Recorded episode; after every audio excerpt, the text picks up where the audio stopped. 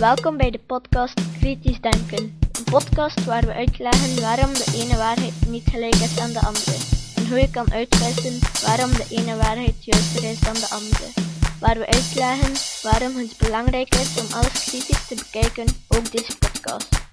Goeiedag, het is vandaag zondag 21 februari 2010.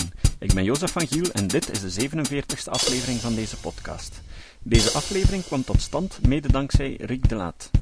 Het is al even geleden dat ik nog een aflevering publiceerde, maar de crisis is voorbij en zoals overal heb ik het dus ook nogal druk gehad.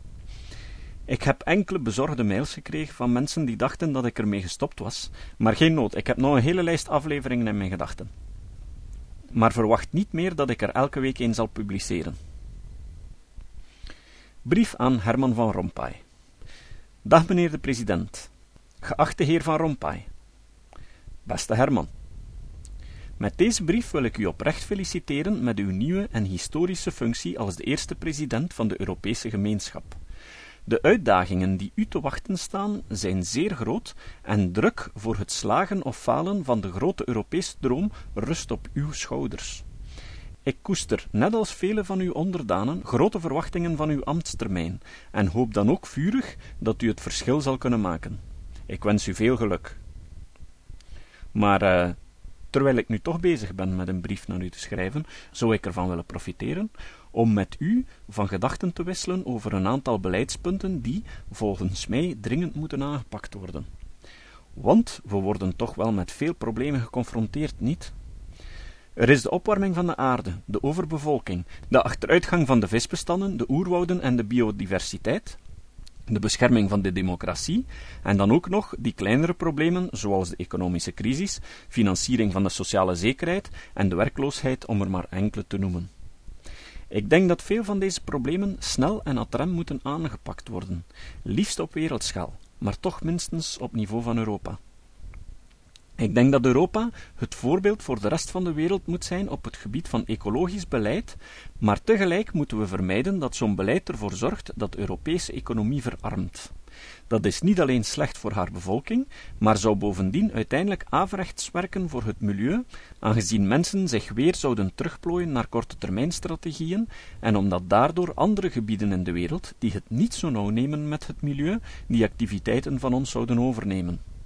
Om je een idee te geven, een ton staal produceren in de Gentse kanaalzone produceert half zoveel CO2 als de productie van diezelfde ton in Kazachstan. Om nog maar te zwijgen van de uitstoot van zwavel, tolueen en benzine. Ik denk dus niet dat het vermijden van dergelijke industrie in Europa goed is voor het milieu. Die ton staal moet hoe dan ook ergens geproduceerd worden. Laten we het dan doen daar waar het milieu het meest ontzien wordt. Nee, Sinds ik zijn boek gelezen heb, moet ik steeds opnieuw terugdenken aan die grote Belgische industrieel André Leijsen, die zei: Crisissen zijn uitdagingen.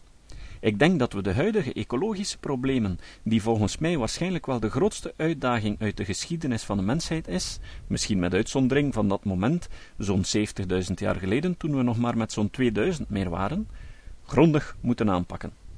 Ik denk dat we die problemen met z'n allen samen moeten aanpakken en ik ben er ook van overtuigd dat de mensheid daar intelligent genoeg voor is, op voorwaarde dat ze de juiste instrumenten ter beschikking heeft.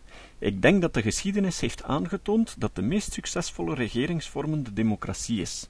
Ik ben ervan overtuigd dat de erfenis van de verlichting fundamentele waarden van de mensheid zijn, die tijdloos zijn en niet afhankelijk van een cultuur. Maar vrijheid impliceert ook een verantwoordelijkheid. Je kan maar echt vrij zijn als je ook in staat bent om op een onafhankelijke manier na te denken. Anders word je gemanipuleerd. En dat instrument is niet alleen zeer belangrijk voor de vrijwaring van onze democratie, maar ook opdat we in staat zouden zijn om onze problemen op te lossen. Daarom denk ik dat we absoluut het kritisch denken in het leerplan van de middelbare scholen moeten introduceren. Kinderen moeten leren om zelfstandig te denken, zodat ze achteraf ook echte kennis van valse kennis kunnen onderscheiden en zich niet laten manipuleren tot het doen van dingen die we liever niet hebben, omdat het door een of andere doctrine wordt opgelegd. Tegelijk hebben ze die vaardigheid nodig om te begrijpen waarom we iets aan het milieu moeten doen en wat de gevolgen zijn van hun daden. Zoals Richard Dawkins zei, je moet de kinderen niet leren wat ze moeten denken, maar je moet ze leren hoe na te denken en hen dan hun mening zelf laten vormen. Dat kritisch denken is in deze tijd belangrijker dan ooit, omdat de problemen veel complexer zijn en we in een dynamiek zitten waarbij de problemen van morgen anders zullen zijn dan die van gisteren. De oplossingen van gisteren zullen ook niet de oplossingen van morgen zijn. Mensen moeten leren om flexibel te denken en oplossingen te vinden. En zo kom ik tot het tweede punt dat volgens mij belangrijk is. Om de problemen aan te pakken hebben we wetenschappelijk onderzoek nodig om de processen die zich in ons milieu voordoen en de invloed van onze daden op dat milieu beter te begrijpen. Bovendien hebben we absoluut nood aan nieuwe technologieën die ons zullen helpen om die problemen aan te pakken. Ik denk dan ook dat het verhogen en efficiënt toepassen van een wetenschapsbudget voor Europa een topprioriteit moet zijn. Het is niet alleen noodzakelijk om de ecologische problemen op te lossen, maar het is ook de enige mogelijkheid om onze welvaart op een duurzame wijze in stand te houden. Toch denk ik dat we eveneens moeten investeren in pure wetenschap. De wetenschap omwille van onze drang tot het begrijpen van de natuur, zonder dat daar een toepassing voor hoeft te zijn, zoals in CERN. Dat is, denk ik, het hoogste doel dat de mens als mensheid kan bereiken en de edelste doelstelling. En we moeten ook investeren in toegepast onderzoek. Maar we moeten die budgetten intelligent gebruiken en ermee rekening houden dat het belastingsgeld is van Europese burgers dat we gebruiken. En dat moet dan ook hier gebruikt worden. Onlangs bezochten enkele collega's van mij een Indische partner die offshore IT-services voor ons zou leveren. Mijn collega's werden rondgeleid in een hal waar honderden informatici bezig waren met het ontwikkelen van zeer geavanceerde systemen voor de automobielindustrie. Echt toegepast wetenschappelijk onderzoek. Het was dan ook echt ontluisterend om aan het einde te horen dat deze ontwikkelingen gebeurden met Europees onderzoeksgeld. Ik denk dat we dat Europees onderzoeksgeld moeten gebruiken om wetenschappers in Europa aan het werk te zetten, niet in India. We zitten met het levensgrote probleem dat we verslaafd zijn aan fossiele brandstoffen, en die verslaving zal ons fataal worden als we er niets aan doen. Het zorgt niet alleen voor de opwarming van de aarde, maar het zorgt nog voor vele andere problemen, zoals verzuring van de zeeën, ik sprak al over het visbestand. Verzuring van de zeeën, ik sprak al over het visbestand. We verbranden zomaar edele grondstoffen die voor zoveel duizenden andere dingen gebruikt hadden kunnen worden, zoals medicijnen en geavanceerde materialen, om maar iets te zeggen. Voor onze bevoorrading zijn we afhankelijk van instabiele regio's, met doctrines die tegenstrijdig zijn met de waarden van de verlichting maar we geven ze een machtspositie die de democratie in gevaar kan brengen.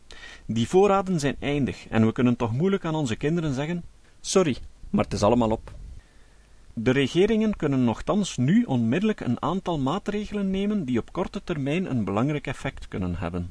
Enkele ervan zijn zelfs vrij eenvoudig en vragen alleen politieke moed.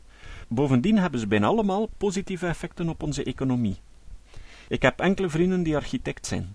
Sommigen hebben zelfs al prestigieuze prijzen gehaald voor de kunstwerken die ze opgetrokken hebben. Maar ik was toch verrast toen een informele rondvraag bij hen me duidelijk maakte dat geen enkele van hen bezig is met energiezuinige woningen. Alleen de esthetiek telt voor hen. Begrijp me niet verkeerd, een gebouw moet liefst zo mooi mogelijk zijn. Het gevolg is dat de bouw van neutraal woningen enkel weggelegd is voor enkele kapitaalkrachtige idealisten. Bovendien worden die dan ook meestal als alleenstaande woningen op de buiten gebouwd. De technologie voor dergelijke woningen is nogthans rijp. Ik begrijp dus niet waarom de Europese regeringen nog altijd niet beslist hebben om vanaf nu voor nieuwbouw energie-neutraal bouwen gewoon wettelijk te verplichten. Ook voor appartementen. Vooral voor appartementen. Daar wordt het minst gedaan omdat het meestal over bouwprojecten gaat en er zoveel mogelijk gespaard wordt op wat niet direct zichtbaar is alhoewel het daar het gemakkelijkst te verwezenlijken is. De maatregelen die genomen worden om deze problemen aan te pakken, zouden moeten voldoen aan een aantal criteria. We moeten rekening houden met de menselijke natuur. Systemen die daartegen ingaan werken niet of zijn niet houdbaar, zoals bijvoorbeeld het communisme. Daarom moeten we ons baseren op de economische realiteit. Het zou verkeerd zijn om van alles te verbieden, want dat zal enorm veel geld kosten om te controleren, en altijd zullen er mensen zijn die achterpoortjes vinden.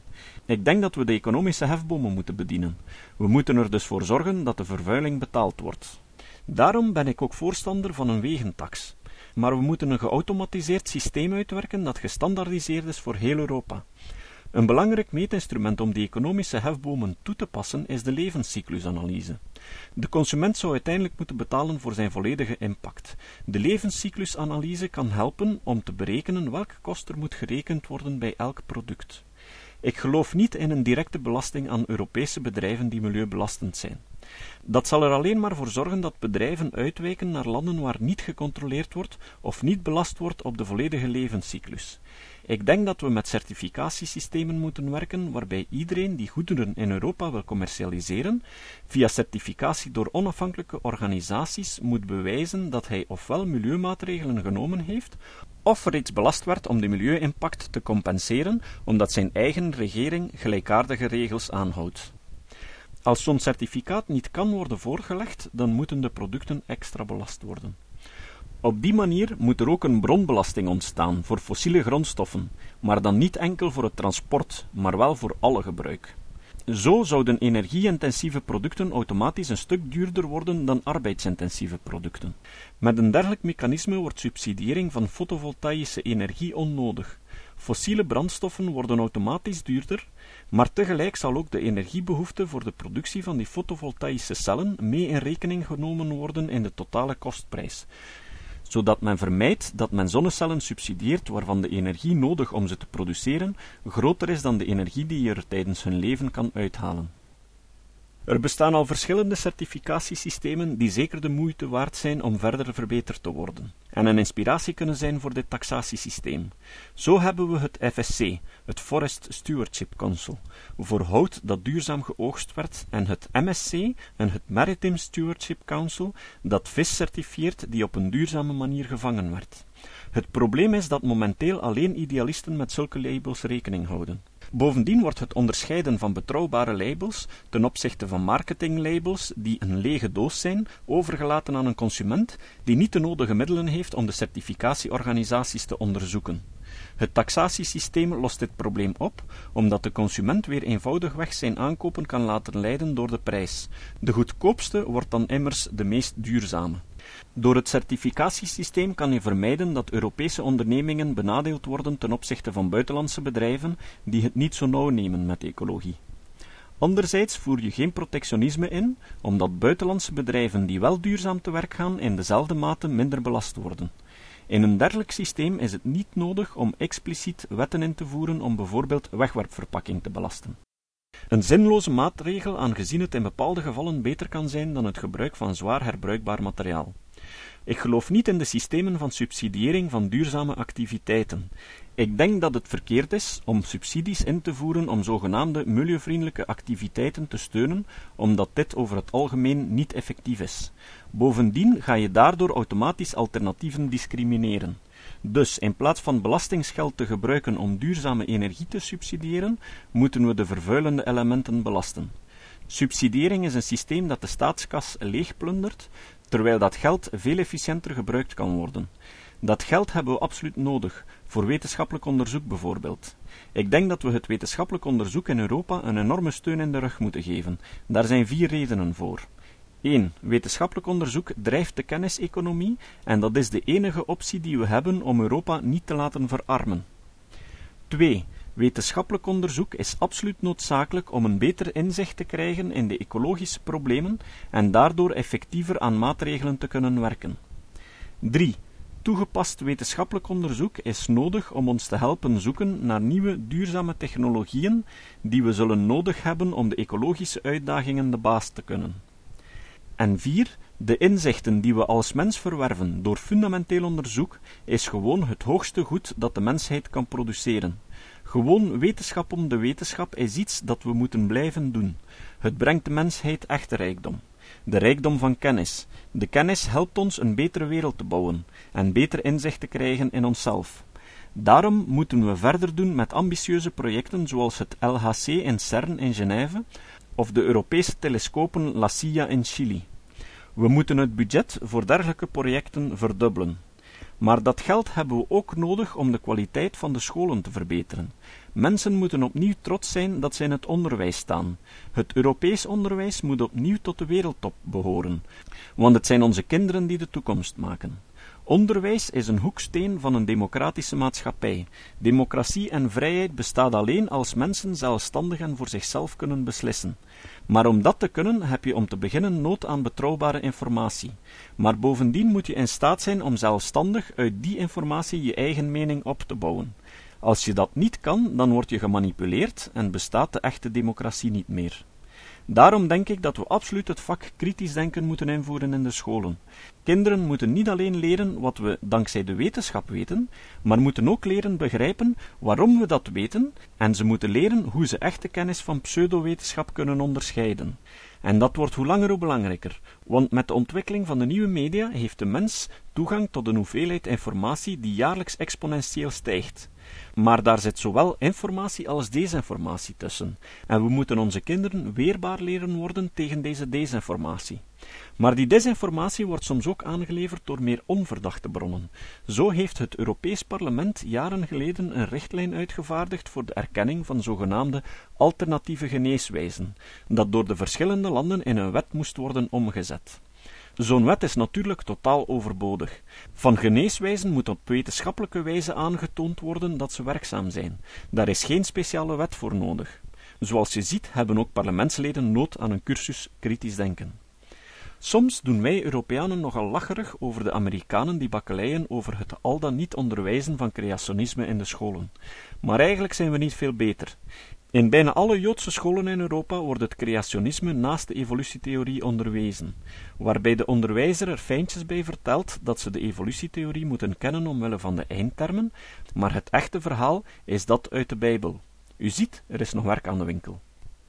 Ik denk dat kritisch denken ook een absolute noodzaak is voor het oplossen van onze maatschappelijke problemen. Meer en meer stelt men vast dat de maatschappij geleidelijk aan polariseert omdat veel mensen blijkbaar niet in staat zijn om de valse dichotomie naast zich neer te leggen. Ik verklaar me nader. Er zijn aan één kant mensen die werkelijk van nature intolerant zijn en angst hebben voor alles wat vreemd is. Maar er tekent zich aan de andere kant van het spectrum een gelijkaardige extremistische houding aan van mensen die elk probleem volledig proberen te ontkennen. Het is opvallend hoe grote denkers, zoals Etienne Vermeers, of geboren socialisten zoals Lucas van der Talen, of een vrouwenrechtenactiviste zoals Ayaan Siali, door bepaalde opiniemakers worden verweten van intolerantie of rechtsextremisme, omdat ze het aandurven om de problemen met de moslims aan te kaarten. Ik denk dat dit niet kan. Net zoals Voltaire ben ik ervan overtuigd dat absoluut niets boven kritiek kan of mag staan. Alles moet kunnen bekritiseerd worden. Dat is absoluut noodzakelijk voor onze maatschappij. Het gaat niet op dat elke vorm van kritiek als een belediging aangezien wordt. Het is ook een basisprincipe waarop de wetenschap werkt. Ik ben ervan overtuigd dat het een fundament is voor het bouwen van een maatschappij waar het goed is om te leven. Ik denk dat het een universele waarde is en niet enkel voor één cultuur. De islam als godsdienst heeft een aantal fundamentele problemen die nefast zijn voor onze samenleving, en we moeten die aan de kaak durven stellen. Dat is niet hetzelfde als het stigmatiseren van alle moslims. We moeten ze de kans geven om expliciet afstand te doen van de intolerantie en onaanvaardbare passages van hun heilige boeken, net zoals de meeste christenen in Europa ondertussen ook al gedaan hebben. Als ze dingen doen die onaanvaardbaar zijn, zoals discriminatie van homo's en vrouwen, dan hoeven wij dat niet te pikken en moeten we kunnen zeggen dat zo'n gedachten primitief zijn en waarom ze dat zijn. Maar tegelijk hoeven we het extremisme niet te pikken van mensen die niet kunnen leven met diversiteit. Misschien toch even opmerken dat deze vorm van intolerantie heel sterk leeft bij de moslims zelf. Het is belangrijk dat we dat kunnen zeggen. We hoeven niet te aanvaarden dat woorden als islamofobie worden uitgevonden om kritiek in de kiem te smoren. Dat is ontoelaatbaar. Er moet iets aan gebeuren. Mensen moeten leren discussiëren met mensen die andere ideeën hebben. En ze moeten leren dat ze niet per definitie gelijk hebben, dat hun heilige boeken niet onfeilbaar zijn. Dat waarheid benaderd wordt door logisch denken. Niet door in zijn heilig hoekje te kruipen. Kortom, door kritisch te leren denken. Kritisch denken, wars van elk vooroordeel, is absoluut noodzakelijk. Zo moeten we afstappen van het taboe over kernenergie. Ik denk dat kernenergie noodzakelijk is om op korte termijn de ecologische problemen het hoofd te bieden. Maar die beslissing mag niet afhangen van mijn persoonlijke mening of van die van drukkingsgroepen. Zo'n beslissing moet gemaakt worden door een team van experts die het op een wetenschappelijke en doorzichtige manier onderzoeken. Maar hier moeten we ook afstappen van het dogma van de privatisering. Zoals ik al zei, geloof ik heel sterk in ondernemerschap en privé-initiatief. Maar er zijn een aantal zaken die een regering niet uit handen mag geven. De energievoorziening is daar volgens mij één van. Veiligheid in kerncentrales ook. We moeten ook kritisch nadenken over waar we heen willen met onze maatschappij. Zijn we echt van plan om een maatschappij verder uit te bouwen die bestaat uit excessen, waarbij de rijksten altijd maar meer extreme rijkdommen willen om hun heerschappij te tonen? Moeten we echt toelaten dat mensen altijd maar zeldzamere en duurdere zaken kopen, gewoon om hun haantjesgedrag te bevestigen? Moeten we toelaten dat dit gedrag onze maatschappij naar de afgrond brengt, zoals gebeurd is met de cultuur van de Paaseilanden, waar de leiders altijd maar grotere beelden lieten bouwen en zo hun eigen cultuur ten onder lieten gaan? Ik denk dat het nodig is om dergelijk gedrag bij te sturen. Ik denk dat het prachtig zou zijn als we dat gedrag zo zouden kunnen omkeren dat maatschappelijke waardering niet meer gaat naar wie extreme welvaart voor zichzelf kan produceren, maar wel voor mensen die iets realiseren in de wetenschap, het onderwijs of. Zoals Mathieu Snickers in zijn boek De Geestel van Darwin beschrijft, alleen technologie zal onze problemen niet oplossen. We moeten ook onze cultuur drastisch veranderen, zoals ook de bewoners van Tikopia deden en wisten te overleven in tegenstelling tot de paaseilanders. We moeten zoeken naar een model waar we ons niet meer laten leiden door groei. Het is toch onmogelijk dat die onbeperkt kan doorgaan? Beste Herman, ik mag toch Herman zeggen, hè?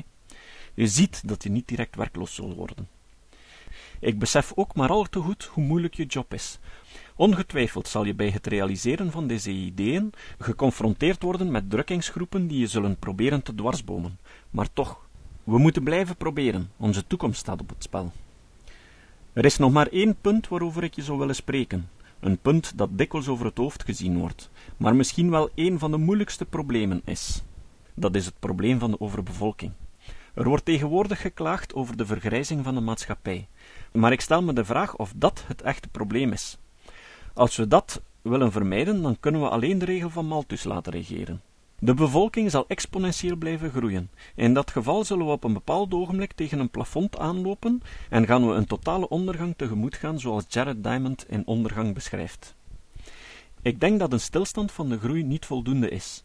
Volgens mij moeten we naar een bevolkingsvermindering over enkele generaties. Ik denk dat we niets anders kunnen dan een systeem van geboorteregeling door te voeren. Het citaat. Beste Herman, aan het einde van deze podcast lees ik altijd een citaat voor. Dus, ik dacht dat het vandaag wel toepasselijk was om je naaste collega Barack Obama te citeren. Het lijkt me bovendien een zeer goed idee, aangezien ik veel bewondering heb voor de eerste zwarte Amerikaanse president. Misschien heeft het te maken met het enorme contrast met zijn voorganger. Je collega aan de andere kant van de oceaan is echt wel een slimme vent. Hij weet precies wat belangrijk is. Op de eerste verjaardag van zijn presidentschap zei Obama: We moeten de Amerikaanse innovatie bevorderen. Vorig jaar hebben we de grootste investering gedaan in de subsidie van fundamenteel onderzoek uit de geschiedenis. Een investering die zou kunnen leiden tot werelds goedkoopste zonnecellen, of behandelingen die kankercellen doden, maar gezonde cellen onaangeroerd laten. En geen enkel domein is rijper voor zo'n innovatie dan energie. Je kan de resultaten van de investeringen van vorig jaar in propere energie al zien.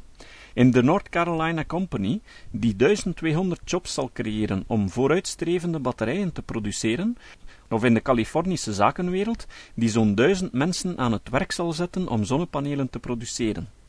Maar om nog meer van deze propere energiejobs te creëren, hebben we meer productie, meer efficiëntie en meer stimulansen nodig. En dat betekent de bouw van een nieuwe generatie van veilige, propere kerncentrales in dit land. Het betekent dat we moeilijke beslissingen moeten nemen over het al dan niet openen van nieuwe offshoregebieden voor olie- en gasproductie. Het betekent een voortdurende investering in geavanceerde biobrandstoffen en milieubesparende koolstoftechnologie. En ja, het betekent het aannemen van een allesomvattende energie- en klimaatwet met aanmoedigingen die zuivere energie de winstgevende vorm van energie van Amerika maakt. Ik ben het parlement dankbaar dat ze vorig jaar zo'n wet stemde, en dit jaar ben ik gedreven om de wet op verkiezingssteun verder vooruit te helpen in de Senaat. Ik weet dat er vragen geweest zijn over het feit of we ons zo'n veranderingen kunnen veroorloven in deze moeilijke economie. Ik weet dat er zijn die niet akkoord zijn met de overweldigende wetenschappelijke bewijzen van de klimaatverandering. Maar hier komt het. Zelfs als je het bewijs in twijfel trekt, energie-efficiëntie en propere energie aanmoedigen zijn de juiste zaken voor onze toekomst. Want de natie die het voortouw neemt op het gebied van propere economie, zal de natie zijn die de wereldeconomie zal aanvoeren. En Amerika moet die natie zijn. Tot de volgende keer. Dit was de podcast Kritisch Denken. Vergeet niet om alles kritisch te behandelen, ook deze podcast. Voor verdere informatie over deze podcast, links en voor de tekst, surf naar www.kritischdenken.info. Als je deze podcast belangrijk vindt, dan kan je me steunen door andere mensen warm te maken ook eens te luisteren. Stuur een e-mail naar je vrienden met een link naar mijn website of plaats de link in de handtekening van je e-mails. Kan me ook steunen door op iTunes deze podcast een goede beoordeling te geven of een recensie te schrijven. Of je kan op je eigen website of blog een link naar mijn website plaatsen. Hoe meer links, hoe sneller je gevonden wordt op Google. Dat kan beloond worden door een link naar jouw website bij mij.